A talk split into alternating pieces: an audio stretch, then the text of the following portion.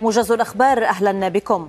أصيب ستة إسرائيليين اثنان منهم في حالة خطيرة في عملية إطلاق نار بمستوطنة معلي أدوميم شرقي القدس. وكانت شرطة الاحتلال أنه تم تصفية المنفذ. وطلب وزير الأمن القومي الإسرائيلي إتمار بن غفير من موقع العملية بتسليح أكبر عدد من الإسرائيليين. وقد اعتبرت فصائل المقاومة الفلسطينية عملية معلي أدوميم ردا على الاحتلال وممارساته. كما أكدت أن الرد على الاعتداءات لن يتوقف. وفي الخليل جنوب الضفة الغربية أطلقت قوات الاحتلال النار على شاب فلسطيني جنوب المدينة بذريعة تنفيذه عملية طعن في محطة للحافلات. وقال الجيش الإسرائيلي أنه قتل المنفذ دون وقوع إصابات في صفوف جنوده. في النيجر أعلن قادة الانقلاب إعادة فتح الحدود الجوية والبرية مع عدد من دول الجوار وقال المتحدث باسم ما يطلق على نفسه.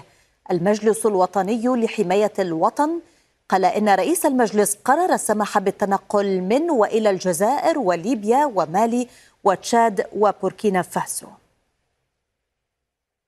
وفي مقابلة مع الجزيرة قال سفير النيجر لدى واشنطن كياري ليمان تنجيري إن هناك موقفا دوليا وأفريقيا موحدا يدعو إلى وقف المحاولة الانقلابية وتحرير الرئيس وفق تعبيره.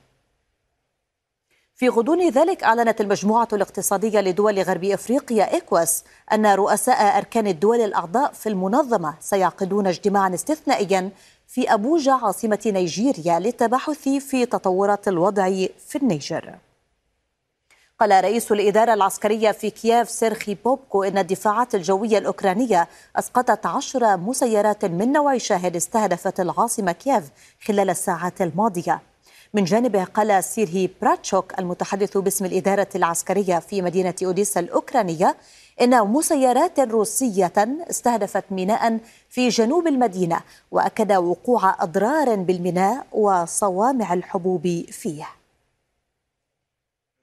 وفي تصريح أوكراني غير مسبوق بشأن الهجمات في العمق الروسي قال أمين مجلس الأمن القومي الأوكراني أوليكسي دانيلوف أن بلاده تخوض حرب رموز باستهدافها أبراج موسكو. أصدرت وزارة العدل الأمريكية أمر استدعاء للرئيس الأمريكي السابق دونالد ترامب للمثول أمام المحكمة الفيدرالية في واشنطن يوم غد الخميس بعد توجيه اتهامات جنائية له للمرة الثالثة في أربعة أشهر.